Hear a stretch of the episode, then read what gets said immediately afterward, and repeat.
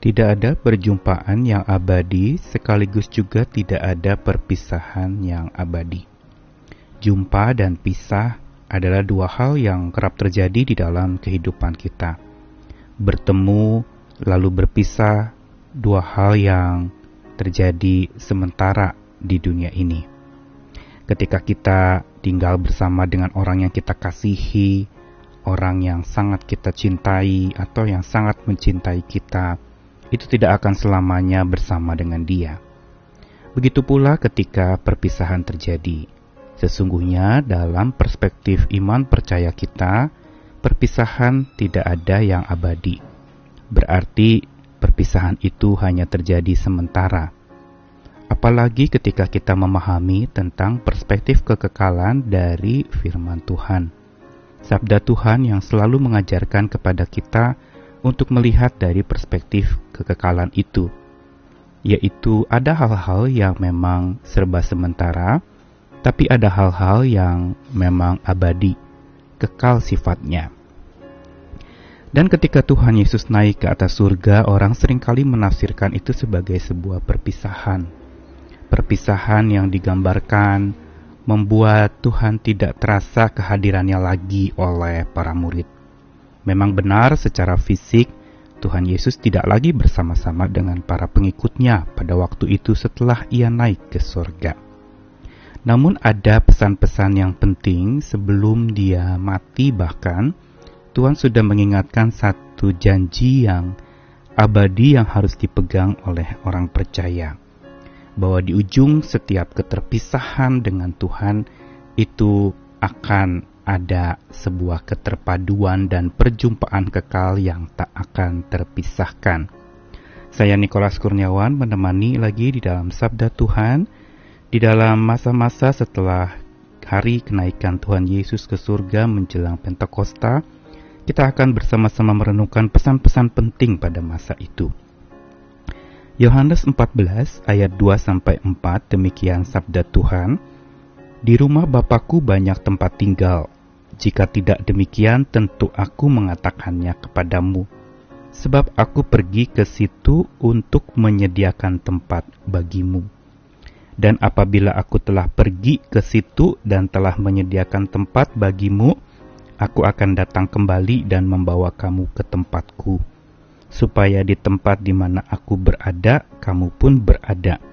Dan ke mana aku pergi, kamu tahu jalan ke situ.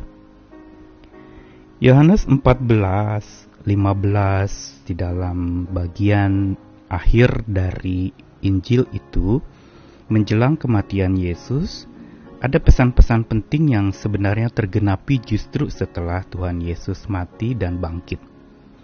Dan di dalam pasal 14 ayat 2 sampai 4 yang merupakan bagian yang juga mengingatkan tentang janji tercurahnya Roh Kudus buat setiap orang percaya, Tuhan Yesus mengingatkan tentang kepergiannya meninggalkan para murid.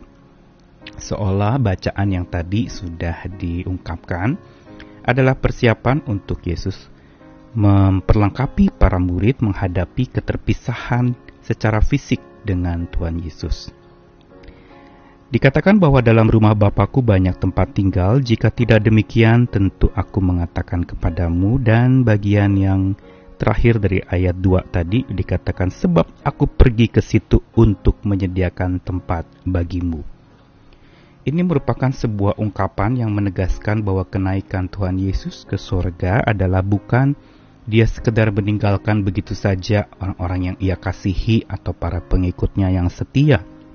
Tetapi dia pergi untuk satu tujuan. Dia pergi bukan sekedar mengabaikan orang-orang yang ditinggalkan. Tuhan bukanlah Tuhan yang seperti itu. Dia adalah Tuhan yang ketika meninggalkan, dia akan sediakan pengganti dan ketika dia meninggalkan untuk satu tujuan demi orang-orang yang dia tinggalkan, bukan demi dirinya sendiri. Dikatakan bahwa aku pergi ke situ atau ke rumah Bapa untuk menyediakan tempat bagimu. Berarti tujuan Tuhan untuk pergi meninggalkan para murid adalah justru untuk sesuatu yang lebih baik tersedia bagi mereka, tersedia bagi para pengikutnya yang setia yaitu tersedianya tempat bagi mereka. Dan tempat itu bukan sembarang tempat untuk orang beristirahat, tetapi tempat di rumah Bapa. Berarti bicara tempat di rumah itu bicara sebuah hubungan yang terikat erat di dalam sebuah rumah atau seperti keluarga yang saling terkait erat antara anggota-anggota keluarga yang ada. Dan dilanjutkan lagi bahwa Tuhan Yesus mengatakan bila aku pergi ke situ dan sediakan tempat, aku akan datang kembali dan membawa kamu ke tempatku. Jadi Tuhan bukan saja menyediakan tempat, tetapi dia mau membawa kita ke tempat di mana dia berada. Ini sungguh merupakan satu penghiburan buat orang-orang yang apalagi hari ini mungkin mengalami keterpisahan atau perpisahan dari orang-orang yang dikasihinya. Tuhan menyediakan tempat dan dia mau menjemput kita ke tempatnya. Berarti ini persis seperti doa Tuhan Yesus kemudian yang dia katakan dalam Yohanes 17 bahwa Aku mau ya Bapa di mana aku berada, murid-muridku pun berada bersama dengan aku dan aku bersama dengan mereka. Ungkapan ini adalah sebuah ungkapan yang menjadi kerinduan dan cinta Tuhan yang luar biasa bahwa dia tidak pernah mau terpisah sesungguhnya dari para pengikutnya. Karena ya dia menegaskan tentang sebuah pesan penting bahwa perpisahan itu bukan akhir, tapi merupakan awal perjumpaan yang baru. Perjumpaan di dalam roh, perjumpaan yang tak pernah akan terpisah lagi. Karena di ujung keterpisahan kita yang sementara, di ujung keterpisahan Tuhan dengan kita, ada keterpaduan kekal yang tidak akan terpisahkan. Ini yang menjadi kekuatan buat kita, bukan ketika menghadapi perpisahan demi perpisahan. Jumpa dan pisah selalu ada dalam hidup, silih berganti. Tapi ingat bahwa keduanya bila terjadi di dunia ini tidak ada yang abadi. Setiap perjumpaan akan ada perpisahan, setiap perpisahan akan ada perjumpaan lagi. Dan itu bergulir begitu rupa untuk menegaskan kepada kita bagaimana iman kita bertumbuh yaitu iman kepada Tuhan yang mungkin kita tidak pernah lihat secara ragawi, tetapi Dia yang sangat melihat kita secara rohani. Ini yang memberikan kepada kita sebuah ketangguhan iman untuk melangkah berjalan bersama dengan Tuhan. Karena di ujung sana, di ujung keterpisahan kita, atau di ujung jarak yang sedang kita alami antara kita dengan Tuhan, ada keterpaduan kekal yang Tuhan sudah rancangkan ada tempat di mana dia berada, kita berada bersama dengan dia. Kita tahu jalan ke sana. Melalui Tuhan sendiri, kita akan menjumpai sebuah keterpaduan kekal yang tak akan terpisahkan. Berita penghiburan ini biar jadi kekuatan buat kita yang hari-hari ini mungkin mengalami ditinggalkan orang yang dikasihi, mengalami keterpisahan jarak satu dengan yang lain, atau mungkin keterpisahan alam kita di alam ini dan dia sudah di alam lain, sudah tidak lagi bersama dengan kita karena Tuhan sudah panggil pulang ke rumah Bapa di surga. Ingat ada reuni akbar di ujung sana bahwa kita akan berjumpa sepenuhnya dan seutuhnya dengan umat-umat Tuhan yang dikasihi pula dan dalam persekutuan terpadu kekal yang akan kita alami.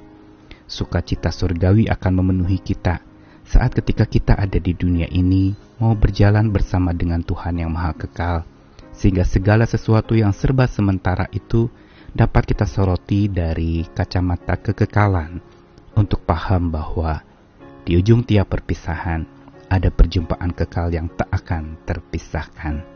Tuhan mengasihi kita sekalian, Tuhan menghibur dan menjagai langkah hidup kita senantiasa selama masih ada di dunia yang sementara ini. Tuhan membimbing kita sampai kita ada di surga kekal nanti pun Tuhan tak pernah lepas dari hidup kita. Amin.